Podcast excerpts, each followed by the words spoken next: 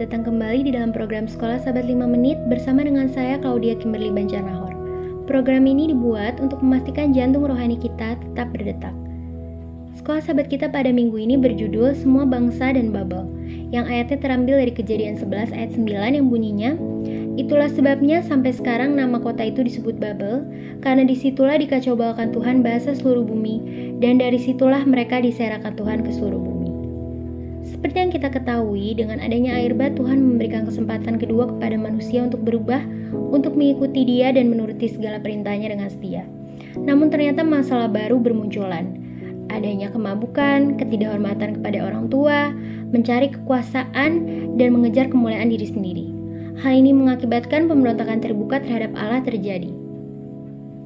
Tuhan yang berencana untuk memberkati manusia diganggu oleh manusia tersebut sendiri dengan adanya menara Babel terdapat di dalam kejadian 11 ayat 1 sampai 9. Dengan membangun menara Babel, mereka berusaha menggantikan posisi Tuhan dan Tuhan menanggapinya dengan mengubah bahasa mereka dan menyerahkan mereka ke seluruh bumi. Tuhan pada akhirnya mengubah kejahatan mereka menjadi kebaikan dan hal ini akhirnya menjadi berkah bagi seluruh dunia. Subjudul kita pada hari Minggu berjudul Kutukan Ham. Seperti yang kita ketahui, bahwa Nuh adalah seorang pemilik kebun anggur. Suatu hari Nuh meminum minuman anggur yang menyebabkan dirinya mabuk dan kehilangan kendali atas dirinya sendiri. Ia mulai melucuti pakaiannya dan membiarkan dirinya telanjang di dalam tendanya. Hal ini disaksikan oleh anaknya yaitu Ham yang menyaksikan ketelanjangan ayahnya secara diam-diam. Dan tidak hanya itu saja, tetapi ia malah mengolok-olok ketelanjangan ayahnya tersebut dan menyebarkan kabar ketelanjangan ayahnya kepada orang-orang, salah satunya itu putranya yaitu Kanaan. Sedangkan saudara-saudaranya yaitu Sem dan Yafet mengambilkan pakaian untuk menutupi ketelanjangan ayahnya. Mereka bahkan memalingkan wajah mereka supaya mereka tidak melihat ketelanjangan ayahnya tersebut. Dengan adanya hal tersebut, marahlah Nuh. Kemudian terdapat di dalam kejadian 9 ayat 25, Berkatalah ia, terkutuklah Kanaan, hendaklah ia menjadi hamba yang paling hina bagi saudara-saudaranya. Karena itu, dikutuklah Kanaan oleh Nuh. Hal tersebut berfokus pada ketidakhormatan pada orang tua yang menyebabkan perubahan pada masa depan terdapat di dalam Keluaran 20 ayat 12 dan Efesus 6 ayat 2. Selain daripada kutukan, Kanaan mengandung berkat.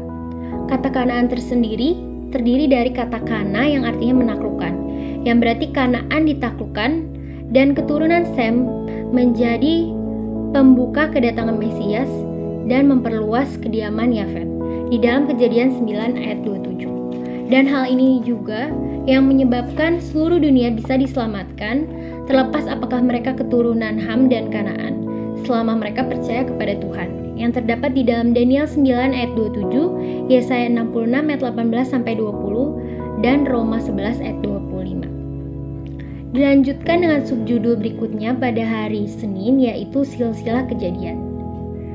Nuh merupakan penyambung kejadian sebelum air bah dan pasca air bah. Terdapat dalam kejadian 5 ayat 32, Adam meninggal ketika Lameh, ayah dari Nuh berusia 56 tahun. Di sini kita bisa melihat silsilah keturunan. Di dalam Alkitab, silsilah keturunan memiliki tiga fungsi, yaitu yang pertama, menekankan sifat historis dan orang yang hidup dan mati pada zaman tersebut. Orang nyata yang menghitung harinya dengan tepat. Yang kedua, menunjukkan kontinuitas penulis yang memperlihatkan zaman dari zaman yang lebih kuno sampai kepada zaman yang lebih kontemporer.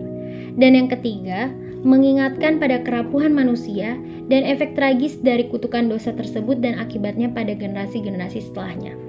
Kita bisa lihat dari Alkitab dari generasi Adam dan Hawa sampai generasi selanjutnya di mana dosa menjadi efek tragis untuk generasi-generasi selanjutnya.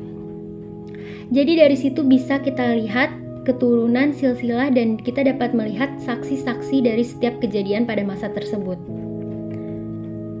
Di dalam Alkitab terdapat 70 keturunan anggota keluarga Yakub, yaitu melambangkan juga 70 murid yang menginjil seluruh dunia di dalam Lukas 10 ayat 1. Pada zaman tersebut, hidup orang-orang nyata yang hidup dan mati pada zaman tersebut yang menjadi saksi dari setiap kejadian pada zaman tersebut kepada generasi setelahnya.